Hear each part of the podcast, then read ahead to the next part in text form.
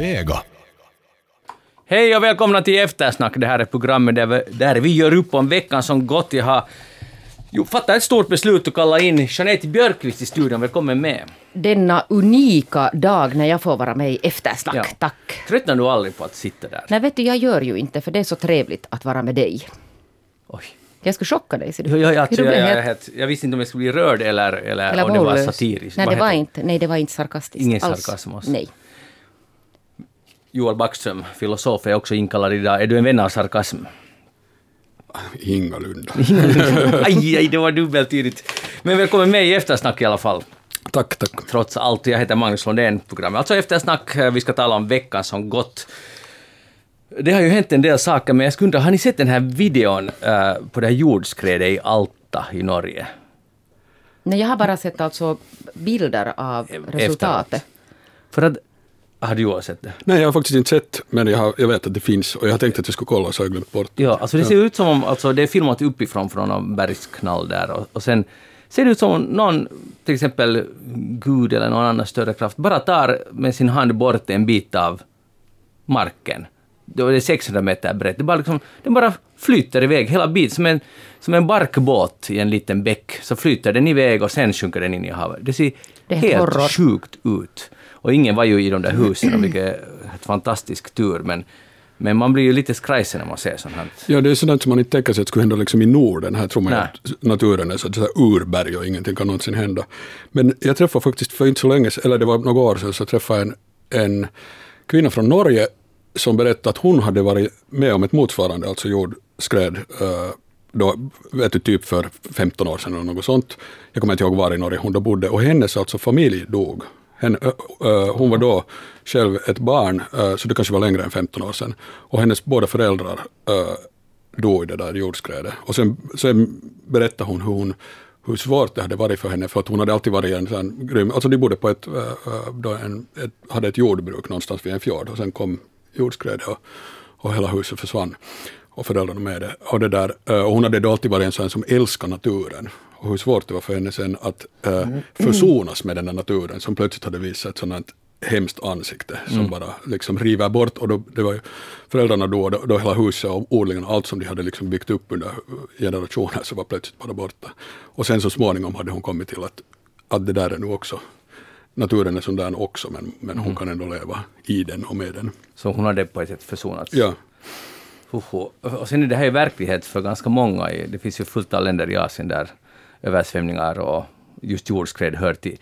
Om man har sett på de här filmerna. Men det känns som du sa Joel, att man tänker att det är inte Norden. Alltså, vilket det ju inte Men skulle man ju ha kunnat tänka sig sådär att, att det här skulle ha varit lite större.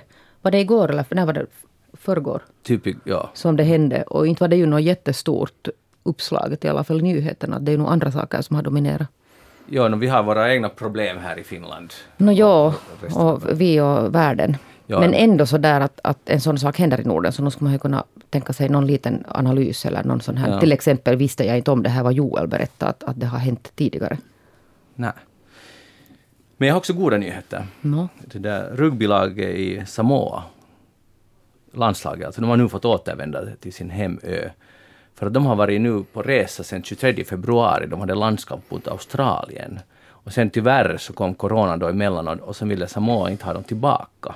Eller ingen fick resa in i Samoa. Så de har, de har nu bott 20 jassar i ett rum sen dess på Nya Zeeland, för de kom bara halvvägs tillbaka och sen blev de stoppade.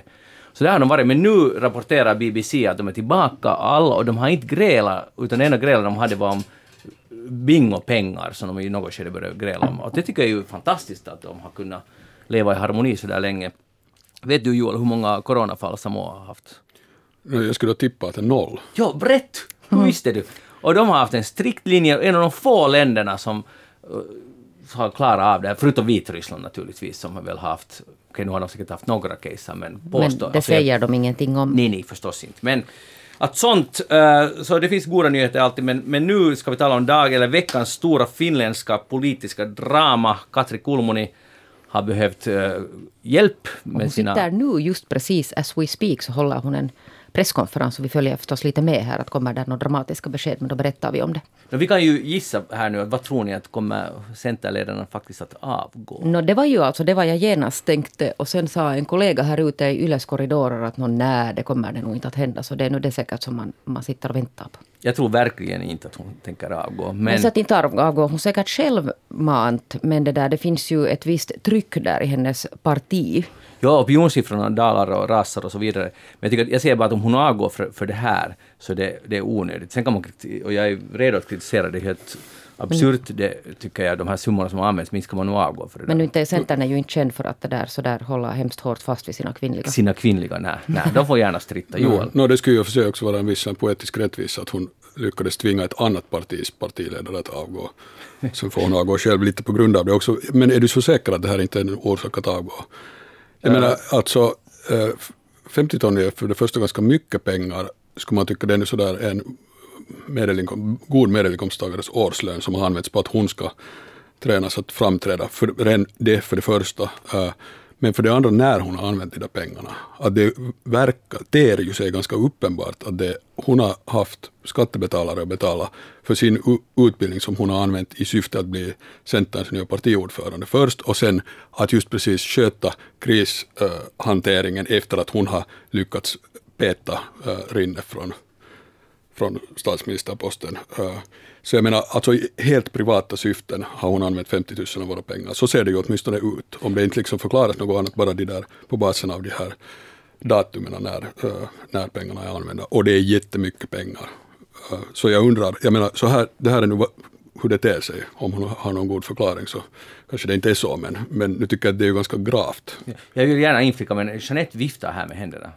Hon säger att hon inte tänker fortsätta som statsrådets medlem, har det just precis kommit. Som minister slutar hon, men inte som partiledare. Då. Nej, det är lite oklart ännu här, men att någonting händer här. Så vi är här i direktsändning, så ni, om, det inte, om det inte var klart Jag tidigare. beklagar så, alla ni som lyssnar sen på podden i efterskott. Ja. Men jag, jag vill gå tillbaka till det där, Jeanette kan hålla utkik efter det där, för att ehm, det som hon alltså gjort... Hon fortsätter säkert- som ordförande. Hon fortsätter som centerordförande, ja. Uh, Okej, hon avgår som minister. Alltså, hon har ju då beställt av firman Tekir Oy, som är Harry Saukomas, har hon beställt konsulthjälp för att kunna uppträda bättre. Och från två olika ministerier. Och, och det där. Och hon har varit osäker på att uppträda. Och det, var hon, det märkte man ju nog, då, speciellt i början. Och kanske det har gett 50 ton har varit väl investerade pengar. Men som svar på din, det som du säger, så det är klart om du framställer sig sådär så tycker jag, men man måste också sätta det i relation till uh, utgifter och vad är fem, hur mycket är 50 000? Det, är- det är mycket pengar. Alltså jag, jag tycker att det är helt bisarrt att hon har använt det och att hon har inte haft omdöme. Det borde vara självklart att, att hon till exempel själv skulle betala det eller att partiet skulle betala det. Och, och sådär. Men jag tycker, jag tycker ändå att uh, jag tycker faktiskt inte att det är tillräckligt för att avgå. Att igen en minister som avgår uh, jag tycker inte att det är tillräckligt stor grej. Men hon avgick nu. Nå, jag hade fel. Men, alltså, men, men måste man inte hålla isär här? Det, att det ena är för det första det att om det inte ska finnas någon sån här liksom direkt privat koppling utan de skulle ha bet, betala klart för hennes för att hon ska kunna sköta sitt ministerjobb bättre. Så då är det ju 50 ton helt otroligt mycket. Att på riktigt, och hon är en ren en politiker som, som har kommit så där långt och hon ska sen få på skattebetalarnas bekostnad träning att framträda. Så det låter ren lite underligt men det väsentliga här är väl att det om det är uppenbart så att hon har använt de facto den där, hon har behövt den här träningen för att själv äh, lyckas bli äh, centerordförande och sen för att sköta krishanteringen när hon har lyckats peta bort ett annat partis ordförande från statsministerposten. Så det skulle jag säga att det är ju helt verkligt gravt. Om, om, och det är nu så det ser ut på basen av när hon har äh, fått den här plötsligt, det- blev liksom plötsligt jättebråttom att nu ska hon ha äh, den här utbildningen. Ja, det var den inte, det var den inte i början. Ja. Ja. Plötsligt har hon grymt bråttom och det fanns ing, inte var det på grund av hennes ministerjobb som det där plötsligt blev jättebrådskande. Så jag tycker att det är ganska graverande ju. Mm. Alltså, ja, ja, visst, det är lite svårt att hålla inte, det är inte en små, små sak liksom, om det är så här. Det kan ju hända att det bara råkar, råkar sig att det ser ut så här. Men det är det vad de alltså har, har bråkat med ju det här att, att det är svårt att liksom separera på ministeruppdraget och partiordförandeskapet. Och det är ju det vad hon själv nu också har försökt det där hänvisa till. Utom då att den här, alltså inför den här Antti Rinnes avgång. Ja, och då, men då är det ju dessutom så alltid att alltid när det är sådär att det är svårt att se vad som är vad. Så då ska man ju, om man är en politiker eh, i sån här viktig ledande ställning, så ska man ju alltid ta det säkra för det osäkra, tycker jag. Om det, om det är oklart för en själv också, att vad hör nu vart, så då ska partiet betala det. Absolut. Jag menar, det är liksom jag, bara jag, att ha jag, jag försöker bara vara lite mjukis här. Jag tycker att, Ja. att, i, att ofta i Finland avgår man av sådana här som jag ändå kallar lite mindre misstag. Och det blir oftast eh, det kvinnliga ministrar som avgår. Eh, Japparna får göra lite mera. Utom då rinner. gör inne. Och, och det, det har vi talat om tusen gånger i eftersnack, att, att hon skulle vänligen kunna förklara vad var det här misstroende? Och, och, och jag tycker det borde man hänga aldrig släppa ifrån. Vad, vad, vad var det som Antti Rinne gjorde? Men där var det lite misslyckat av konsulten som inte hade då alltså det där berättat åt henne. Ja, för ska hon svara 750 på euro i timmen borde hon ju kunna förklara på ett vettigt sätt vad det var som var så, så hemskt. Som Rinne. Och det, tycker, jag- det har vi talat om många gånger. Jag tycker att hon var usel där. Men jag tänker tala nu om den här avgången. Okej, men, men visst sen- har du rätt, 50 000 är mycket Ja. pengar. Sen, sen och, och- igen tycker jag att det väsentliga här att är det här bara ett, liksom ett misstag och ett litet, en, en i och för sig någonting som visar på brist på omdöme, eller är det så att hon kallt har helt enkelt använt skattebetalarnas pengar helt me, väl medveten om att nu använder hon det helt för sina Men nu hade ju syften. hennes alltså specialmedarbetare, var det nu månne Suomen Kuvalehti eller någonstans hade han varit intervjuad och berättat att det var i princip alltså han som, som gav råd här och det där. Hon trodde på honom. Mm. Ja, det var Suomen Kuvalehti. Men Som då, och vad är det för råd han har gett och varför, vad, hur har hon uppfattat dem? Liksom? Jag menar hon måste ju ta ansvar för vad hennes, vilka råd hon tror på, så det är ju inte... Ja, sen tycker jag att, jag tänker att ingen här på vägen har funderat på att vänta, är 750 euro i timmen, är det liksom, är det en skälig summa? Att man må sen vara minister och partiledare, men att, att är det faktiskt den rätta summan, är det, är det rätt pris för Och sånt fast det också skulle vara rätt pris, så någon gång i det, Det skeden... inte det, kan inte men, vara vet- rätt nej, nej, men pris. förstår du att sen i det skedet när, när, när fakturan har vuxit till 30 000 euro. Ja, eller 20 Förstår ni att, 20, att det är ja. liksom inte så där att det är 750 gånger 10 timmar eller något sånt här, utan det är liksom då upp till över 50 000 euro. Okej, det, det är sant. Jo, jag, jag, Ja, kan det är ganska stor skillnad. Jag menar till exempel, låt oss säga att stats, alla statsrådets äh, centrala ministrar skulle ha fått just inf, inför corona äh, liksom, krishanteringen, den här sortens någon sorts utbildning. Det skulle vara liksom en helt annan sak. Och man skulle inte ha gett utbildning för 50 ton åt dem. Och plus sen kan man väl så allmänt säga att om det skulle komma en konsult åt mig och säga att jag kan lära dig snacka för 750 i timmen så skulle jag direkt avfärda den som en kvacksalvare. Att hur kan man ta sådana pengar för? Och, och sen är det också uppenbart att de har ju inte alls lyckats. Hon talar till äh, finska folket som hon ska vara en dagistant som talar till småbarn. Jag menar det är liksom, tycker jag helt Men hon är nervös. Hemskt. Mm, mm, ja. Men, och, och sen en annan sak en som är liksom mer så principiell sak av, om hur man tänker på politisk kommunikation som man kallar det. Att Det är liksom ett otroligt otyg i vår tid hela tiden att, den där, att det mer och mer blir så att just konsultbyråer av olika slag eh, liksom tar hand om hur budskap ska presenteras. Som om eh, politiker inte skulle behöva själv tänka på att vad är det viktigt att säga och vad tror de på att det är centralt här. Utan det är liksom, du ska säga så här och så här. Men Joel, det, det, det är inte alls, det- så här presenteras det inte. Det presenteras som så att Milton eller de här som i princip äger Finland, så de, de eh, lär politikerna att säga det de vill säga, men på ett lättfattligt sätt. Men det är, ju inte så här sant. det... sa- det är klart att de säger Ja. så. För att de är, de är ju sofister. De är, det var, sen antikens Grek, Grekland hade funnits liksom den här konflikten mellan folk som påstår att jag kan lära dig att snacka så att folk tror på dig. Och sen kommer Sokrates och säger att är det inte lite, lite viktigare att du försöker veta själv vad du säger och säga sånt som faktiskt är sant och som du kan stå för och ge argument för. Och sofisten säger att nej, det spelar ingen roll, utan du ska bara presentera det på rätt sätt och jag kan lära dig att göra det. Och det var För de 750 är kvacksalvare, de är, de är lögnare, liksom, ska jag säga så här systematiskt. Det är vad de håller på med, att lära folk att ljuga på ett bra sätt. Och de säger förstås, jag är medveten om det, att inte det är alls det vi säger. Jag, jag tror att, att en god kommunikationskonsult tänker, först frågar vad, vad är din agenda, vad är det du vill ha sagt? Och så, "Ja, jag vill att dagis ska vara billigare för alla familjer. Okej, och bra, då vet vi det och nu ska vi så här, och så lär jag dig hur du ska få ut det här budskapet. Exakt, och det här är ju lögna, en lö- lögnaktig inställning. För att de frågar inte som man borde fråga, att vänta nu, att för det första vill du på riktigt eh, att dagis ska bli billigare? Har du tänkt på hur det ska finansieras? Är, är, är det du står för? Men det är ju som deras uppgift. Nej, nej, exakt deras uppgift. Med andra ord är deras uppgift att träna folk att säga vad som helst. Om Hitler kommer att säsäga att jag vill framställa det som så att judarna ska dödas, så säger de aha, nu vet vi det, nu ska vi hitta på ett sätt för det som är det bästa möjliga att framställa det. Men Här. det, det måste ju vara Det här- kommunikationscoachens moral. Som, om Hitler dyker upp så ska man säga Men sorry varför, det här, varför är det först när Hitler kommer som den dyker upp, men inte när Kulmuni kommer och vill presentera något som är lögnaktigt? När ska moralen dyka upp? Men det Jag tycker att- att så fall finns det otroligt mycket omoral i, i Absolut. företagsamhet överhuvudtaget. Absolut. Alltså det är i princip, jag menar om Så du, det. vem ska vara den där som avgör att, att Var, varje, människa ska, varje människa ska vara den som avgör om man hjälper någon att, att framställa sitt budskap. Så måste man ju själv ta ansvar för att man är med om att försöka få den där människan att lyckas liksom sälja sitt budskap. Och då måste man ju själv kunna stå för det där budskapet. Så skulle jag se på det. Så jag tycker att det är liksom helt korrupt från början att skilja åt det där, som man hela tiden förstås gör. Jag är helt medveten om att det är så här som all marknadsföring fungerar. Det är så här man mera och mera har börjat tänka på också politik och kommunikation, redan att det kallas kommunikation är just en sån jävla eufemism för att ljuga. Eh, att man skiljer åt det där, just vad budskapet det är inte vår sak, utan vi bara berättar hur du ska effektivt få fram det. Och det här visste by the way Hitler. Hitlers Mein Kampf är den bästa boken i hur man ska ljuga stort åt människor, hur man ska få, saker att, få, få folk att tro på saker. Ja. Det var han just jättebra på. Det är intensivt här nu. Ja, eh, det är möjligt att vi är ganska av samma åsikt, för för mig som journalist så stör det det stör ganska mycket det här slipade som har gått på de här kurserna. För att då, då får man, kommer man inte åt vad tycker du egentligen, utan det är liksom inövade fraser. Det vet alla som är på de här debatterna. De har bestämt att vad en fråga är så svarar jag så här. Och det gör att det inte blir riktig debatt och man får inte på riktigt veta. Det är jättestörande. Men, men, mm, jag vill nu bara säga att, att det är inte mera omoraliskt att egentligen att, att om vi nu, vi talar nu inte om Adolf Hitler, utan vi talar om, om Kulmuni som, som vill få ut ett budskap. Det var alldeles för dyrt. Hon borde, jag kan förstå att hon var så inkompetent att hon har låtit eh, ministeriet betala. Hon skulle betala ur egen ficka eller, eller partiet betala. Det är ju helt klart att varför, hur har ingen dragit i nödbromsen? Att stopp.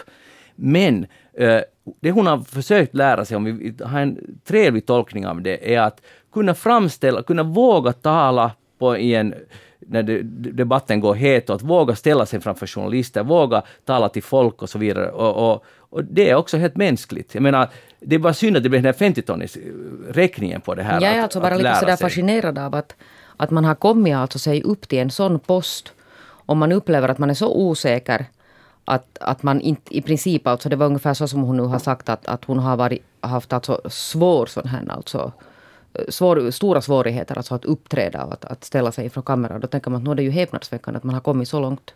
Ja, Och sen kan jag ju säga sådär som- Jag måste fråga, tycker du att det är på något sätt fel? Eller du säger att det är häpnadsväckande. Vad menar du med häpnadsväckande? Eller tyck- borde hon inte ha kommit så långt? Nej, men eller? jag tänker alltså på något sätt tänker jag så här att om man har kommit sig upp till en finansministerpost så då borde man ju ha tränat alltså ganska mycket på vägen. Att jag är kanske mera förvånad skulle jag kunna säga. Mm. Men det är nämligen inte ett brott att vara till exempel blyg nej, eller nervös. nej, nej, nej, men förstår du att, att det där att, att man avancerar ju alltså via, jag menar hon har ju alltså till exempel klarat sig genom ordförandekampen inom Centern. Ja, och då skulle man ju kunna tänka sig att det där, hon har ju varit, alltså hon var ju jätte, jag tycker hon var bra alltså, inte hade hon någon konsulthjälp då när hon satt där i, i valdebatter. Det vet alltså väl. utom att det var just då före Ja. som hon började som skattebetalarna började betala för hennes uh, ko, vad heter det, kommunikationsutbildning var ju inför Centerns uh, ordförandekamp. Men det var är det det, det som som- de också betalade? Ja, ja, ja. Är det, det var det, det alltså var, samma den här, är du säker på det? Ja, Då var hon, ja just var det, för det var två olika ministerskap, ja. No, ja. då var hon ja, näringslivsminister. så det här, ja, det var Men det har väl varit intensivast alltså nu som den här finansminister alltså inför det här. No, halva fakturan var det förra ministeriet, var det inte så? Ja, ungefär hälften Ja, och hälften tror ja. jag. Eh, ja, eh, men alltså jag vet igen att, att det är förvånande att hon har kommit så långt. Men jag tycker inte att det är igen, på ett sätt är det ju uppmuntrande. Ja, men alltså, det, är- alltså- det är väldigt förvånande. Men ja, det, och sen alltså det där, jag vet inte på något sätt att, att förklara det någonting för att, för att hon har ju varit förstås alltså av, av goda orsaker framme väldigt mycket alltså i offentligheten nu. Särskilt med den här coronan och i och för sig alltså med den här Rinnes avgång och hela den, den här delen och sen den här corona. Och hon har ju, jag tycker inte att hon har varit särskilt bra i sin output i offentligheten. Att hon har liksom, man på något sätt känner att, att hon upprepar, alltså det är precis som du säger Magnus, alltså vissa fraser. Och, och kan det hända då att, att hon har, att eftersom hon är alltså nervös inför att uppträda så fastnar hon i det här. Att hon ger ju alltså inte, hon har ju inte gett svar Nej. egentligen någonsin. Och sen alltså just den här, den här att på något sätt till och med lite bitsk ibland. ja. Och speciellt bredvid Sanna Marin så är det nog svårt att... Ja, som inte lär alltså har fått i princip någon sån här utbildning överhuvudtaget. Men hon har det liksom då, då i sig. Att på det sättet kan jag tänka att det är inte liksom så jättebra reklam för den här firman nu. Att om det här är resultatet efter över 50 000 euro. Jag, om vi tänker helt konkret annars, så det är ju helt fa- fantastiskt att man kan fakturera sådär 750 euro i Inte det är ju timmen. fel på den som Nej, fakturerar. nej, jag vet, det är den som betalar. Eller nu är det fel på den också, men Nej, inte det det. är Alltså, fel det på är dem båda. Men båda, det är som vanligt att båda har 100 procents ansvar. Men vår kära det där kommunikationskonsult där i Österbotten, Elli Flen, har ju nu varit framme i offentligheten också och låtit sig intervjuas om Ja, i- det här. Och hon har också påtalat att det där är nog inte sån här helt typisk taxa för en kommunikations... Elli Frena twittrade ut vad hennes teamtaxa är. Ja. Och, och nu kommer jag inte ihåg exakt vad det var, men det var betydligt Det billigare. var väl lite på 100 euro tror jag. Ja, men hon är med i nästa eftersnack, så då, då kan vi då får attackera vi. henne för det Ja. här. Det blir mycket Vi borde ha tagit nu när Joel kom med sina de här, vi borde, men hon får sen det där svara. svara. Jag, jag gissar att Elli Frén just nu håller på att koka. Ja, För att radion har kanske flög ut. Joel. Men det där har du en sista... Det, det här är nytt. Så här är det. Kommunikationskonsulter ska bort. Och den som missade så har Katri Kulmuni nu avgått som finansminister. Inte säger- eh, Jag säger bara det att jag tycker att det är uppenbart pro- problematiskt eh, att man det där eh, skiljer åt det vad en människa säger och att man hjälper en människa att säga någonting, att få ut ett budskap så att det ska gå hem och att man inte har något ansvar för vad det där budskapet är. Jag tycker att det, det är problematiskt, liksom moraliskt problematiskt när man gör det. Och plus att sen är det överhuvudtaget, det, äh, ett, lite, ett annat exempel på samma sak egentligen äh, är att äh, hur man, på Uni till exempel är det nu för tiden så att, att när man blir docent så bedöms det av, en, av pedagoger som inte vet något om om det man talar om. Alltså att man tänker sig att, att de kan bedöma, eller alltså när man gör en docentföreläsning ska visa att man kan undervisa, så är de som bedömer det är experter på undervisning i sig, inte på det där ämnet som man talar om. Och det tycker jag också att är på samma sätt en jätteunderligt. Hur, hur kan man tänka sig att man kan liksom bedöma vad någon säger, att är det bra eller inte, utan att liksom veta någonting om själva ämnet. Men, men nu är det säkert så att hur man kan fram... Alltså om, man, Alltså det fin- om kunskapsstoffet finns- är samma, det här ska Ja. du lära ut. Så nu är det jättestor skillnad hur man är att lära ut det här Jag vet, nu förstår jag att det finns liksom aspekter som man kan säga att, att nu, du har en bra sak att komma med, men kan du försöka bara till exempel helt konkret och sådär att tala högre eh, eller inte, inte tala så snabbt, folk hinner inte med. Klart att det finns sådana saker att säga, de är ganska sådär elementära. Men den där grundidén att man på något sätt helt och hållet kan bedöma eh, om någon är en bra lärare eller om den är en bra politiker utan att alls liksom ta ställning till vad den de facto säger. Är det sant? Är det, liksom, hänger det ihop? Är det här viktigt? Spännande? Inte, inte något sånt, utan bara någon sorts formell bedömning av att det här är bra undervisning. Eller det här är inte ett bra framträdande. vi har ju faktiskt politiska val. Och nu talar jag inte om lärarsituationen, men vi har politiska val. Det är ju då det ändå avgörs. Att, tycker vi om den här Kulmuni som, som har fört Ja, ja, fram ja. det här budskapet? Och, så, och det är ju det. Vem, Ja, vem, ja, ja, förstås, vi, som, som väljare får man ju hoppas att vi inte äh, ger vår röst på basen av att någon ser trevlig ut och är bra på att prata liksom, på något sätt. Utan, så det är klart. Men jag vill bara det där säga det att, att de säger ju också, jag tror att det finns alltså delvis finns det en poäng i det här att, att när politiker är framme i offentligheten idag så, så det här medieklimatet är annorlunda. Att ta, ett, ta, ta ett diskussionsprogram i TV så du får inte jättemycket tid.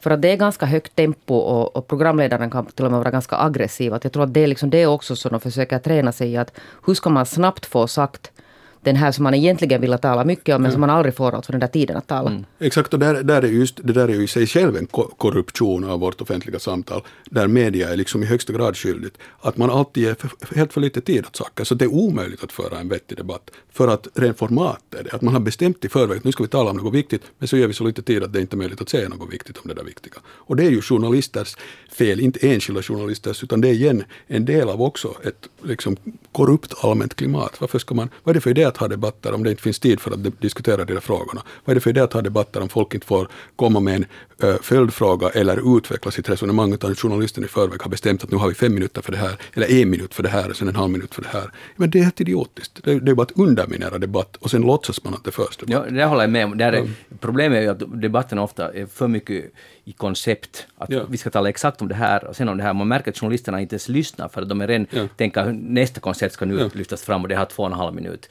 Och det, det är eländigt. Och, och inga följdfrågor. Och, och alltid stress. Det är helt jättedåligt. Men det är kanske ett större tema, eller inte vet om det är större, men vi, vi, jag tänker faktiskt gå vidare nu. uh, uh, och tala lite om Donald Trump, för att det där, han har ju varit, varit och USA har varit på tapeten hela veckan. Eh, polisvåld och demonstrationer mot det och också plundring och sånt här har förekommit.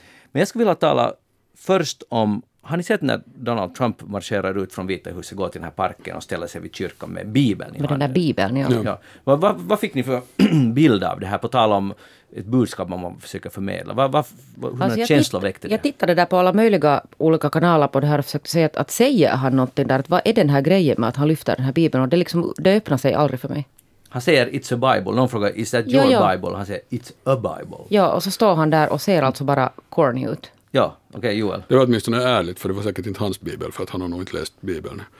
Nej. är det ju uppenbart att han, han är ju inte någon religiös person. Man kan sätt. läsa den på så många olika sätt. Ja, ja. Och han har nog inte läst den. Han har inte läst Bibeln. Eh, och det är det som har kritiserats också. Också den kyrkan, de som driver den kyrkan, sagt att det är helt skandalöst. Han, han meddelade ingenting, han bara ställde sig framför Men vad han alltså var ute efter med det här, så det vet jag law and inte. nu riktigt. order. Liksom, Men, och det är ju det som är liksom perverst på något sätt, att ta till Bibeln när man ska ha lag Ja. och ordning. Men, så, men förstås, det är ju inte Trump som har hittat på det där, utan det är ju, så har det ju varit i den europeiska och sen amerikanska historien sen eh, kyrka och stat Mm. eh, liksom slog ihop sina Ja, sen kyrkan blev i praktiken en statlig institution, det är ju det inte, i, USA i det USA är det inte, men, eh, men alltså att man har börjat varje krig i kristna stater med att vifta med Bibeln när man ska gå och mörda sin nästa. Så det, det finns ju den perversionen, liksom helt, har varit central för den europeiska historien. Så han hittar inte på det, men, nu är det, men vad är det för att poängen är liksom att nu ska vi sätta ut soldater på gatorna och skjuta skarpt för att återställa ordningen och då viftar man med Bibeln. Det är ju helt, inte det, det som det, det står verkligen inte om sådana saker i Bibeln utan om raka motsatsen. Och, och den där bilden, eh, jag har många gånger trott det här att nu har Trump gjort någonting som kommer att bli det som definierar hans presidentskap. Nu tror jag det igen, ännu starkare än någonsin tidigare. För jag tror att åtminstone 70 procent av USAs befolkning borde se vilken Pelle Jöns han är och vilken, helt enkelt, ja, jag vet inte vilka ord man ska använda. En det är så- riskabel person. Jo, men det är så otroligt genomskinligt. Och han bara står där och viftar med en bibel. Som du sa Jeanette, han har ingenting att komma med. Han hade hållit ett kort tal just före det. Men var det så att han hade talat om här, den här militären då samma dag? Var det före eller efter det här? Att han skulle sätta in militären mot? Eh, han sa det före I'm your president of law and order och sen gick han ut för den här fotoshooten och ingen annan visste riktigt vart de var på väg.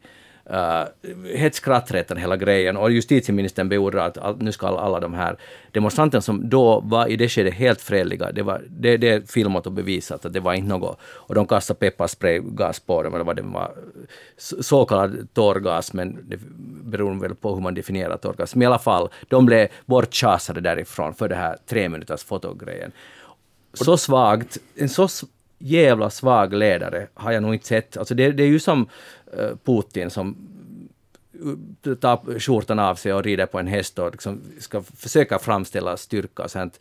Men båda är, är moraliskt liksom totalt i noll, ingenting. Men jo, Ja, sen det som ju inte är Pelle Jöns utan är, är farligt och verkligen illa och helt enkelt kriminellt är ju just att äh, skingra en fredlig demonstration äh, utan någon orsak. Alltså. Det, är ju, det är ju helt mot USAs grundläggande principer. Där finns mötesfrihet och demonstrationsfrihet. Så att det, var ju inte, det var ju inte Pelle Jöns utan det är helt enkelt kriminell verksamhet. och därför Som- har de ju växt åtal mot den. För det här var före det fanns en sån här vad heter nu curfew på svenska? Alltså utegångsförbud. Eh, Klockan sju, det här var väl halv sju eller kvart före sju. De påstår att de måste börja förbereda det arbetet och så vidare. Men ja, och det, det här visar också vilken, vilken otrolig hyckleri. För att, för att alltid om någon, om det kommer en fact-check på Twitter som vi talade om förra eftersnack mot Donald Trump så blir de jätteupprörda över censur och sånt här. Och nu så har de ju faktiskt skingra folk som är, går på gatorna och helt, det är helt lagligt. Man får göra det i USA. Och, och, och det är en sak, och som du sa Joel, och sen, sen ska vi diskutera det här att, att när han har talat om att kalla in den egna militären mot på egen mark, på amerikansk mark. Så det är ju folk jätteupprörda över att hur kan man kalla in militären mot sitt eget folk? Och jag tycker bara att det här är intressant för det är ju, det är ju nog endast diktaturer som gör så. Men om man tänker lite vidare, tänk att vi alla tycker att det är helt okej att kalla in militär mot annat folk. Att om man, om man riktigt tänker vidare från den här, det är, helt, det är vi alla helt jäs med. Speciellt USA är ganska jäs med det, att, att de, de under historiskt lopp har de varit ganska många andra länder och skickat in militären mot folk, men det råkar vara annat folk. Har ni någon kommentar?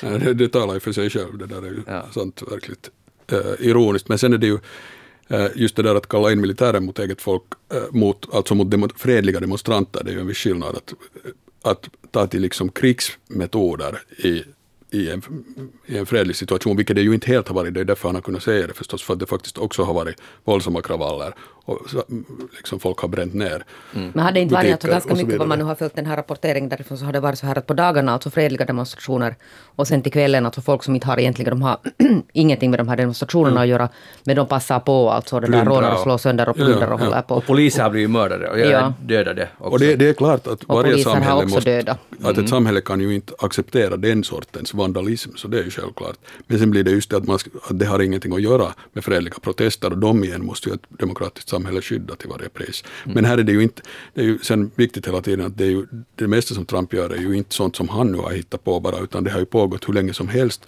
en enorm liksom, militarisering av polisinsatser mot fredliga demonstrationer. I USA hårdare i USA än här, men på en massa håll runt om i världen, i, i också formellt demokratiska länder, som en jätte bekymmersam utveckling. Jag läste en artikel om, om hur, hur funkar polisväsendet i USA egentligen. För det första finns det 18 000 polisdistrikt. Så det finns inte på det sättet hemskt mycket enhetlighet där. Så att i, i det är inte någon treårig utbildning? Nej, no, det kan vara tre år i, en stat. Men det kan men också vara något mycket kortare? Fyra veckor mm. läste jag, som minimi, jag tror att det var fyra veckor. Så, så hey, nu är du, you're a cop. Och det är ju ganska otroligt. Och, och inte, inte, har man, inte man ju färdig för sen, det finns ju trots allt ganska mycket lösa vapen i USA, folk är beväpnade, och inte man ju färdig att bemöta de där situationerna. Och då blir det just så här. Och, och läste ni dessutom den här situationen som den här eh, George Floyd-incidenten, så han som ledde den där, de där poliserna, han var, hade jobbat som polis i 19 år. Och han skulle liksom lära de här unga, eller nya typerna, de var inte så jätteunga men nya. De, de hade varit, den ena hade varit fyra dagar på fältet, den andra hade varit tre dagar på fältet. Och nu är de äh, åtalade då för i princip samma brott som han är åtalad för, murder second degree eller vad det nu heter. Så de kan skaka galler väldigt länge. Och de var ju där och de borde ju ha ingripit förstås. Men på något plan kan man förstå, tänk om de tycker ja det är så här det funkar. Att, att här är vår, mm. han som ska leda arbetet, han visar att det, du sätter bara knä mot de här japparna och sen fixar det sig. Att det, det är en ganska mm. sjuk situation de också hamnar i. Men igen finns det inte olika aspekter. Att ett är det här att äh, poliser är väldigt dåligt utbildade på många ställen i USA. Äh, och då blir det förstås liksom, hamnar de i våldsamma situationer och vet inte hur de ska hur de ska bete sig. Men sen den allmänna militariseringen av polisväsendet, mm. så det har ju inte att göra med inkompetens, utan det är en helt medveten politik som förs i, i USA, men hos oss också. Uh, och, och, som i USA är det ju det att de har dessutom det där problemet ju att det där samhället är så liksom på det sättet vansinnigt ju när det gäller vapen. Att, de har, att man på många ställen kan gå in och köpa ett, en maskinpistol från en mm. vanlig butik, vem som helst ska göra det. Men hur kan man ha ett sånt samhälle? Om man har ett sånt samhälle så är det klart att du också måste ha poliser beväpnade till tänderna. Och då kommer det att bli hela tiden så att polisen dödar folk som dödar tusen människor per år. Men de har ju den där polisen Ingen europeiskt alltså, land skulle acceptera. Nej, nej, de, sånt. de utbildas ju i USA för att skjuta ihjäl folk. Alltså här utbildas de ju att skadskjuta i första hand om man måste gå så långt som till att bära vapen. I USA så ska de ju skjuta. Puff, bort. Mm. Men tänk på den här bilden av USA. Den håller på, faktiskt på smulas sönder. Till exempel jag har alltid tyckt, och jag tycker nog fortfarande att USA är ett bra, bra land, om man kan tycka om ett helt land på det, så det finns så mycket positivt som kommer därifrån. Men de senaste åren, det kommer liksom mycket så, jävligt obehagliga men, saker som kommer därifrån. Men såg ni den här när Obama hade, han hade, många, de här förra presidenterna hade ju också kommit nu med uttalanden. Ja, och där Carter de stod alltså på, ja, på demonstra, de, de här demo, fredliga demonstranternas alltså sida. Och sen när det kom någon sån här alltså klipp på nyheterna där Obama talar. Man blev helt, så, alltså jag blev helt emotionell. Så att herregud, tänk att det var någon gång en sån här också där. Mm. Men det, det är sant, och man blir, och det, det, här, det handlar ju också lite kanske om kommunikationskonsulter, att man köper det, det som Obama levererar. Och jag blir också helt rörd. Och det är ju lite löjligt, men, men så är det. Men det, här, det var en äh, fotbollsspelare som skrev ett öppet brev, Liam Rosenior, där han tackar Trump för att, att, det så, att det här kan leda till verklig bestående förändring. Därför att Trump har varit så ärlig att han är han helt enkelt bryr sig inte om, om polisvåld till exempel, eller, eller ett strukturell rasism. Eller hur hans output är. Ja, han har ingen skillnad. Han, han bara kör på för han talar till sin egen eh, fanskara. Och nu, de tidigare presidenterna, som han, den här fotbollsspelaren har upplevt i sitt liv, har alla alltid sagt de, sagt de rätta sakerna i den rätta stunden, utan att någonting egentligen förändras.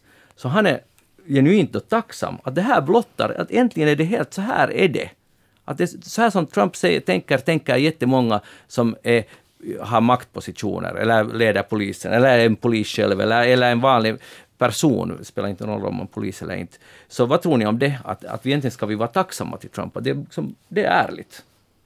Ja, alltså jag skulle hålla med. Att det kan, sen vad det leder till, så det vet man ju aldrig i sådana här stora kollektiva politiska grejer, att leder någonting till något gott eller något dåligt. Mm. Men, men det skulle kunna leda till något bra, för det är ju åtminstone bra att det, det är ju uppenbart att den sortens äh, liksom känsla för hur, vad som händer i världen och så här, som, som Trump artikulerar, om man, eller uttrycker ska vi säga, äh, så den hade inte någon plats i den respektabla offentligheten alls under jättelång tid. Man bara låtsades att det, det, det här finns inte. Och, och, politiker har just oavsett eh, partitillhörighet upprepat samma floskler som inte har något heller med verkligheten att göra. Så nu är det ju bra att det slås hål på någonting sånt. Mm. Att i princip skulle det kunna leda till en ärligare debatt om alla möjliga frågor. Men sen om det gör det så är det helt förstås, det beror ju på oss. Jeanette, äh, Laura Huhtasaari har också deltagit i debatten, liksom också Jan Vapaavuori och Anna-Maja Henriksson har uttryckt sitt, stöd för, och sen tycker jag det annars var fantastiskt att det till och med i Helsingfors deltar alltså 3000 människor mitt under coronaepidemin i en demonstration för den här saken, uh, Black Lives Matter och så vidare. Men Laura Huhtasaari har skickat ut många tweets här under dagarna, bland annat en där hon som är hashtaggen uh, Black Lives Matter och All Lives Matter. Så vad, vad, tycker du om det här? Stämmer det inte att All Lives Matter? Jo, det stämmer. Men det där, skrev hon någon sån här, sån här liksom, någon text? Jo, det fanns många olika. För hon är ju alltså en stor uh, anhängare av Donald Trump. Jo, det vet bland jag. annat. Det märker man mycket snabbt när man följer med henne.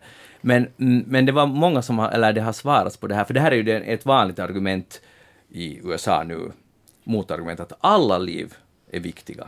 Och det är de ju förstås, men, men sen är det som är poängen nu att alla liv är viktiga, det är väl självklart, men just nu det här, det som sker, så måste man accentuera, poängtera det här, för det är en, en grupp som uh, har varit drabbad ganska länge sedan slaveri, och det är liksom fortfarande hänger det kvar. Ja, och det kan väl ingen alltså förneka att det finns alltså ett jättestort och djupt strukturellt alltså problem i USA. Många förnekar, förnekar. No, jo, men alltså förstår ni, sådana som nu kanske det där är lite pålästa, om man säger så. Men, om, men jag tycker nog att det uh, så att det finns, det finns nog ett problem i hur rasismen diskuteras i, när det gäller USA och när det gäller överlag i världen.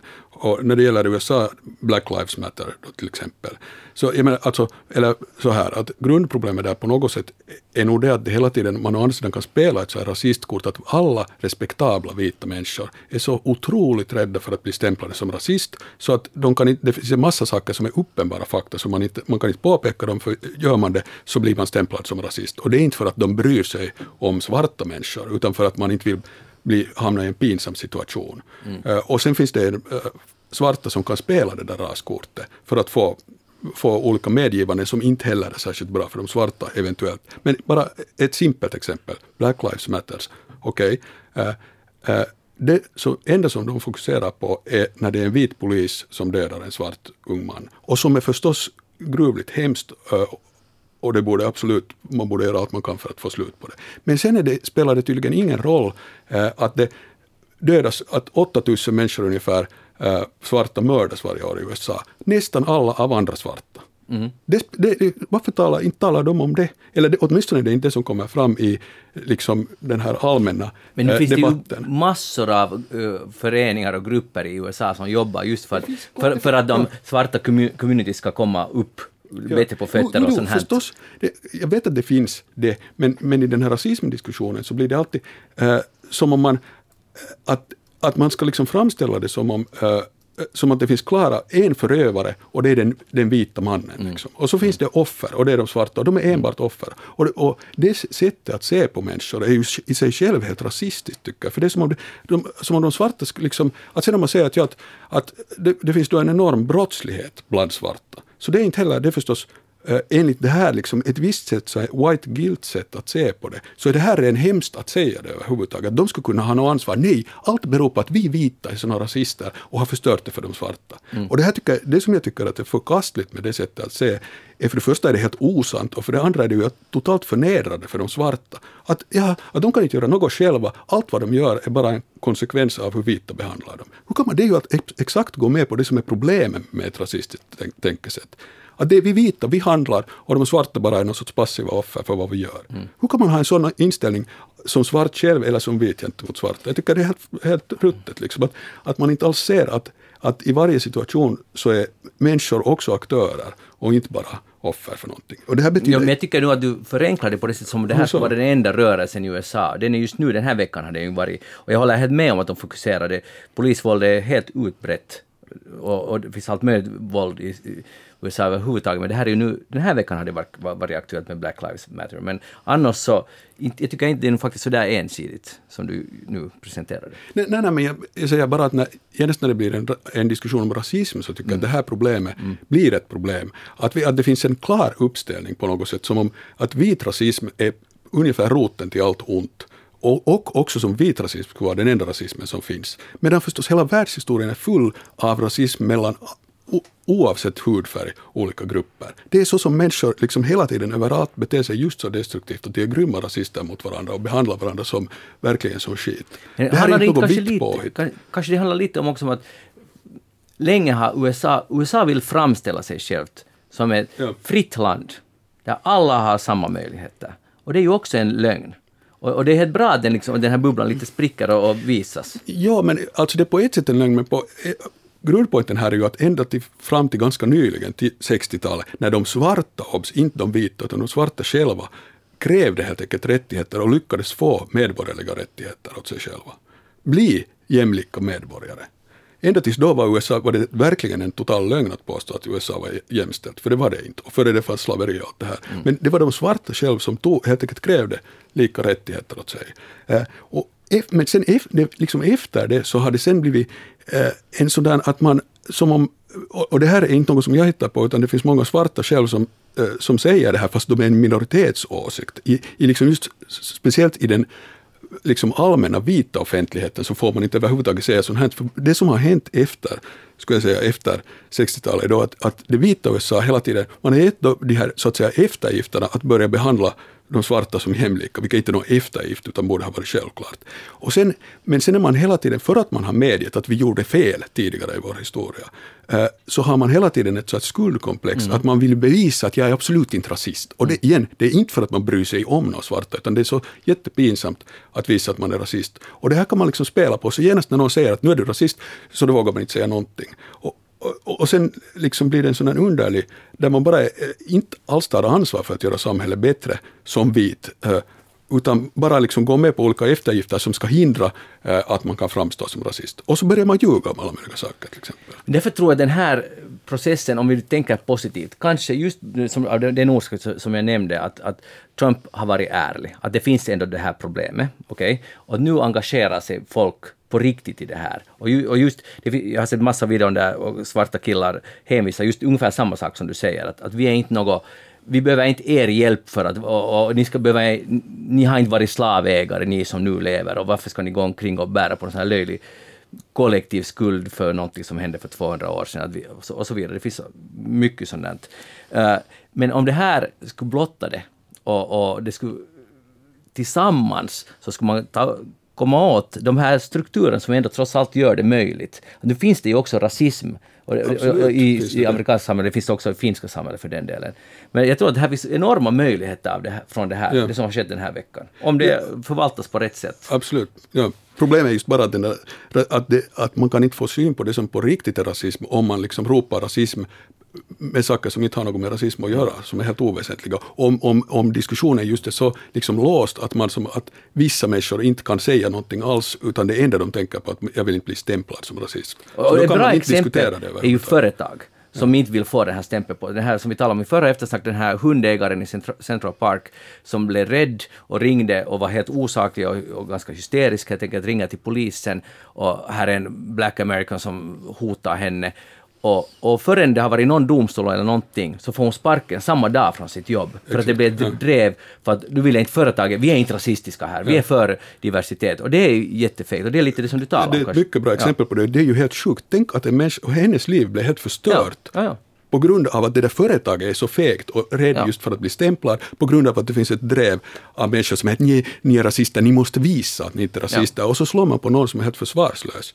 Eh, och inte har man gjort något på riktigt för att en, få, få Nej, nej, situationen man, gjort, bättre för någon. man har gjort det och så hoppas man att allt glöms bort. Ja. Och sen igen de svarta, att man, jag menar det här var inte, hon, hon var ju den svaga i den här situationen. Inte, hade hon, inte var det här något exempel på någon white supremacy, utan på en hysterisk tant som liksom gjorde bort sig. Inte var han i någon fara, den här svarta killen. Nej, nej. Men sen presenteras det som om det här också, att här ser man igen hur det är de vita som har makten i samhället. Och man ser ju inte, i det exempelvis det inte alls hur vita har makten i samhället, utan hur det just finns ett grymt tryck på eh, vita organisationer att inte bara framstå som rasistiska. Nu måste jag fråga Jeanette Björkqvist vad du har tänkt på den här veckan. Hörru, jag har tänkt på det där, uh, sån här, de här millenialerna. Millenialerna, ni vet. Vet ni? Eh, inte- ja, ja, visst. Ja, ja. Nej, men alltså saken är Jag den känner att... några. Ja, du gör det. Alltså, du var helt på riktigt. För att jag det där på något sätt, alltså, jag har ju hört och det har liksom flimrat förbi det här ordet, men jag har aldrig förstått nu att jag har liksom nu gått miste om och, och att jag är väldigt obildad. Men nu råkar Helsingin Sanomat uh, nyligen ha en stor uh, artikel på sin arbetslivssida om millenialer, eftersom det har kommit ut någon ny finsk bok skriven av millenialer om millenialer och hur man ska alltså leda dem i arbetslivet. Ah, den, den boken borde jag läsa. Ja. Ja, den borde du helt säkert läsa. Men det där, jag läste alltså inte den här artikeln i Helsingin Sanomat eftersom jag är en obildad människa och inte förstod att det var viktigt för mig. Men sen alltså uppstod en grym alltså debatt sen på sociala medier där en massa alltså finnar sen började ondgöra sig att vad är det här för skit? Att det är tydligen så att Helsingin Sanomat alltså regelbundet, ofta och mycket och i stora alltså kvantiteter skriver om det här millenialsläktet. Millenialer är alltså människor som är födda mellan 1980 och 2000. Och då kan envar betänka alltså tidsspannen mellan 1980 och 2000. Där ryms alltså ganska stor. No, det är en generation. Ja, det är ju liksom lite ja. mera, det är sådär mellan 20 till 40-åringar. Så det liksom då på något sätt är den här alltså extremt unika specialgruppen som vi alla alltså måste känna till.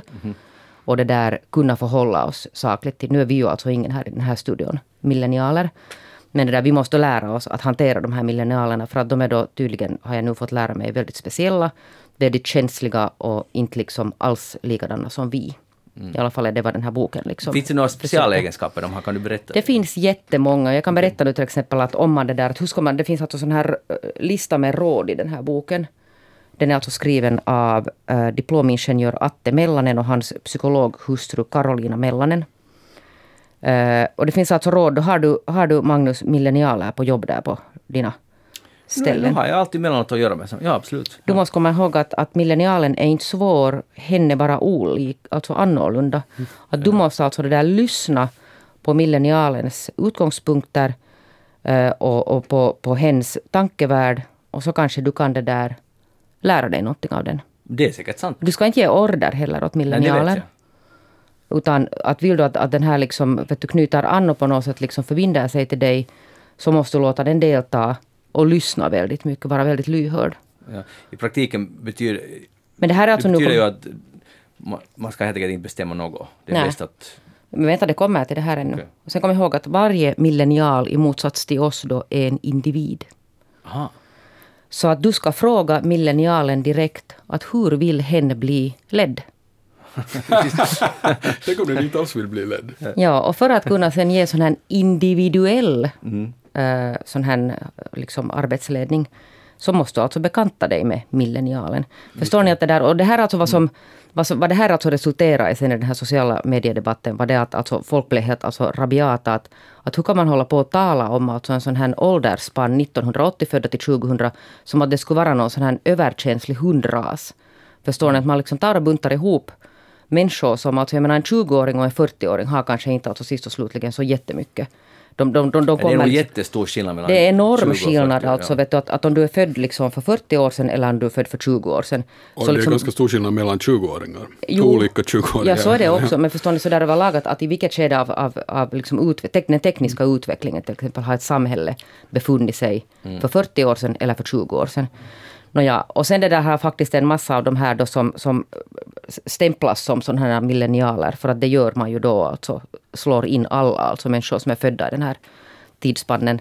Som, som tar alltså nu kraftigt avstånd från den här. För att den är, den är ganska den är inte så liksom smickrande. Att det, det framstår nog som en extremt jobbig grupp. Eller som någon sa, att, att läs den här boken och vet varför du inte vill anställa någon mellan 20 och 40. Och Det blir ganska stort glapp då. Man måste antingen, antingen beställa, best- anställa 17-åringar eller sen över 40-plussare. Ja, Det är en hel 20-åringar som inte får något jobb alls, alltså 20 år. ja, någon som, ja precis. Någon som är född 79 eller 2001 Ja. Eftersom det är ju då en Sorry, jätteskarp boy, ni- ni vetenskaplig. Men, men har ni någon erfarenhet? Alltså det här är ju ett sätt att sälja böcker.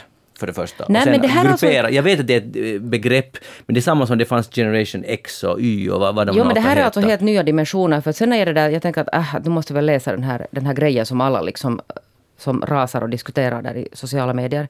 Så slog jag alltså en sökning, Helsingin Sanomat och Millenialit. Och den var alltså, den var never ending den här listan på material de har som haft de någon konsult som har sagt att ni måste skriva mer om den här åldersgruppen för att ni ska få mera prenumeranter.